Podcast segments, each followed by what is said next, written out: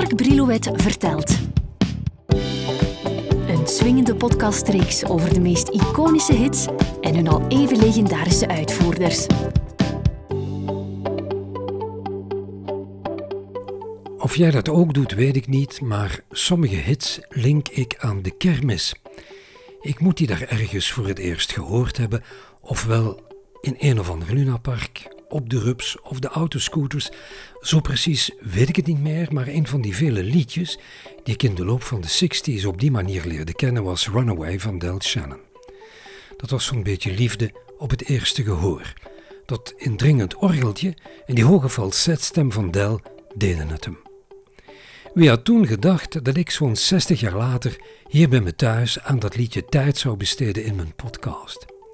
Dat medium en die techniek, daar had toen niemand enige notie van. Laat staan van die manier van kennis delen. Al even fris als zijn muziek klonk, dook in 1961 als het ware uit het niets de Amerikaanse zanger Del Shannon op. Die was zo'n jaar of drie daarvoor begonnen bij de Moonlight Gamblers, die een vaste stek hadden in de Hilo Club in Battle Creek, Michigan. Via zijn kennis, Jim Ray, was Del, die toen nog Charles Westover heette, bij die band geraakt. Del die werd meteen aangenomen omdat hij zo goed gitaar kon spelen. Maar Del die wou een eigen orkestje hebben, noem het maar een trio. Hij nam Lauren Duggar, de bassist van de Moonlight Gamblers, over, een wat oudere man, en de 18-jarige drummer Dick Parker. Hij noemde zijn trio Charlie Johnson en de Big Little Show Band, want dat was de artiestennaam die Del zich toen had aangemeten. Del die had ook nog een gitarist nodig en nam Bob Popenhagen in dienst. Bob die adviseerde Del een toetsenist aan te nemen, Max Crook. Dienstorkestje, de Whitebugs, was net ontbonden. Max die speelde in die tijd op een klein opvallend klavier. Hij noemde dat de Musitron. Hij kon dat laten klinken als een viool, een fluit en nog wat andere instrumenten. Op basis daarvan werd Max meteen aangenomen. Hij en Del zouden snel ontdekken dat ze een goed team vormden als schrijversduo. Max die had een vriend, de zwarte DJ Ollie McLaughlin, die geïnteresseerd was in de demo's die Max en Del hadden opgenomen.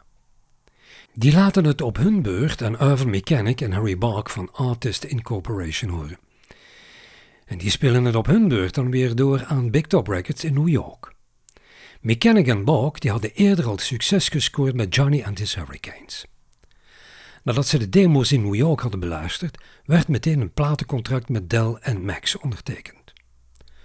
Op zekere dag zit Max in de Hilo Club wat op zijn piano te tokkelen. Dell pikt er dadelijk op in, verzint er een paar woorden bij, terwijl Dick Parker op drums aansluit. Dat duurt zo'n minuut of twintig, tot de eigenaar van de club hen dringend verzoekt daarmee te stoppen en iets anders te spelen. De volgende dag neemt Del zijn gitaar mee naar zijn werk. Om wat geld te verdienen was hij als tapijtverkoper bij de Carpet Outlet gaan werken. Het is die dag niet druk. Hij neemt zijn gitaar, gaat boven op een partij tapijten zitten en pikt het liedje opnieuw in, daar waar hij het zo'n beetje had laten liggen, hè, waar hij met Max daar wat aan had geknutseld, laat me het zo zeggen. Tegen de middag is er mee klaar, belt meteen zijn vriend Max op met de vraag s'avonds de tape recorder mee naar de club te brengen, want hij heeft een liedje klaar. Little Runaway. Wes Kilborn was op dat moment op bezoek in de winkel van Dell en herinnert zich nog dat Dell meteen na dat telefoontje begon te schrijven aan een tweede liedje, Jody, dat later de B-kant van Runaway zal worden. Jody,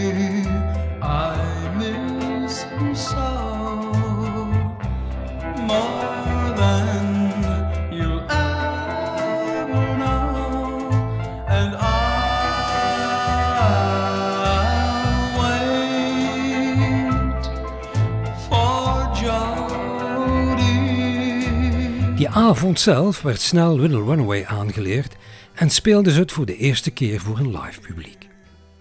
Zoals ook die avond dat Max op zijn Musitron voor de eerste keer die opvallende riff speelde. We did it on stage uh, and we just kept going for about 20 minutes because it just fell in, you know. then I wrote the words the next day at the carpet store where I was selling carpets. Ze hebben dadelijk door dat ze een hit te pakken hebben. Ze gaan ook voort op de reactie van het publiek. Samen met een rest andere liedjes belanden de demo's en die live-versie van Little Runaway bij de verantwoordelijke van Big Top Records in New York, maar die zijn helemaal niet onder de indruk.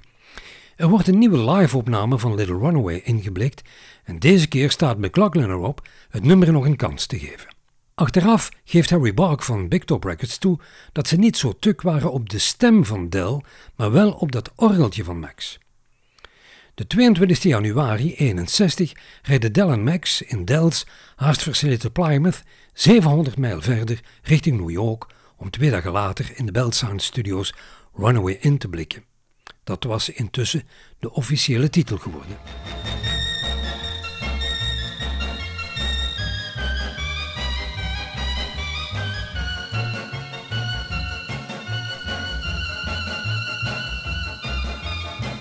Meteen ontstond er in de studio een soort slaande ruzie, omdat Max zelf de microfoons wou plaatsen, wat Bill McMakin, de technicus van dienst, helemaal niet leuk vond. Er waren ook sessiemuzikanten ingehuurd, waaronder de bekende jazzgitarist Bucky Pizzarelli en saxofonist Bill Rammel.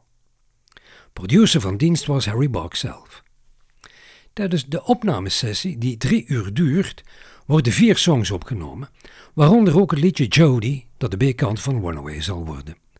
Als een lopend vuurtje, mede aangewakkerd door de positieve blabla van de sessiemuzikanten van dienst, waren er voor Runaway definitief was gemixt bijna 100.000 singles in voorbestelling genoteerd.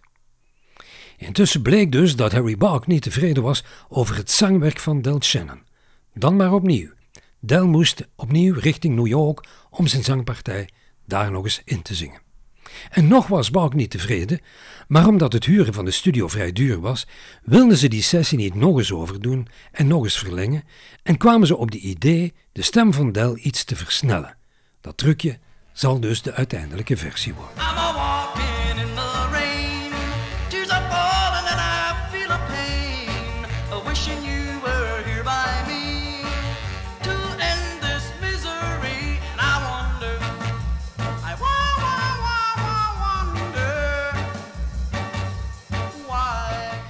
24 april 61 staat Del Shannon op 1 in de Amerikaanse top 100.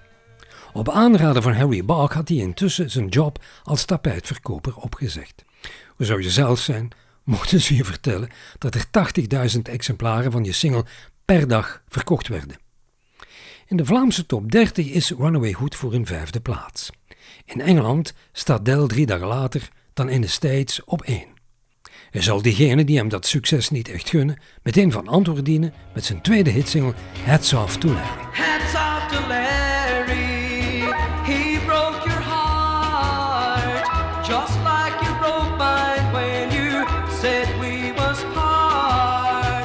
He told you lies, now it's your turn to cry, cry, cry. Ik moet eerlijk bekennen dat ik er nooit zo op gelet heb en dat komt omdat ik niet zo tuk ben op de concert-LP's, de live-CD's en LP's van Elvis. Maar in de zomer van 69 nam Elvis een live-versie op van Runaway te horen op het album On Stage dat hij inblikte in het International Hotel in Las Vegas. As I walk along, I wonder what went wrong with our love, love that was so strong. And as I still walk by, I think of the times we've had together while our hearts were young.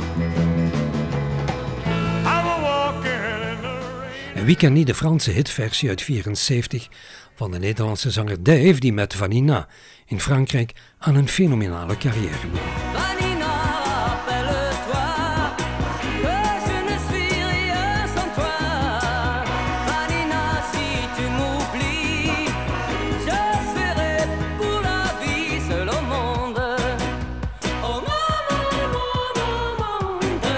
Misschien ook nog dit even tippen. Dit is Jeff Lynne, die als lid van de gelegenheidsgroep The Traveling Wilburys op een album volume 3 een versie hoort neerzetten van Runaway. En ja hoor, er bestaat ook nog een metal versie, een heavy metal versie. Uh, hoe heette die groep ook weer? Ah ja, The Avenged Sevenfold. Uitgebracht op, een, op de luxe editie van een album The Stage maar wees er zeker van dat je dit in mijn platencollectie niet zal terugvinden. Na het succes met Runaway zullen er nog een paar toppers volgen, zoals The Swiss Made en Keep Searching. Del die zal liedjes blijven schrijven. I Go to Sleep wordt een hit voor het Engelse tweetal Peter Golden. Shannon zal ook de hit Gypsy Woman van Brian Hyland produceren. En later moet Elton John toegeven dat zijn hit Crocodile Rock deels gebaseerd is op Shannon's Cry Myself to Sleep.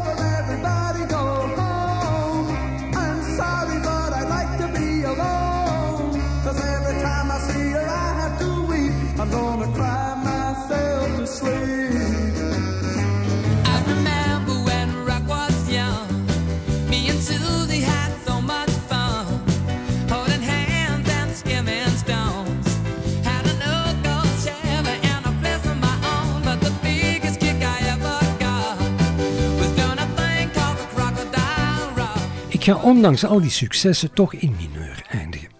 De 8 februari 1990 pleegde El Shannon in zijn huis in Santa Clarita, Californië, zelfmoord. Hij had nogthans net een nieuw album opgenomen met Jeff Lynne als producer. Rock On wordt een jaar later postuum in omloop gebracht.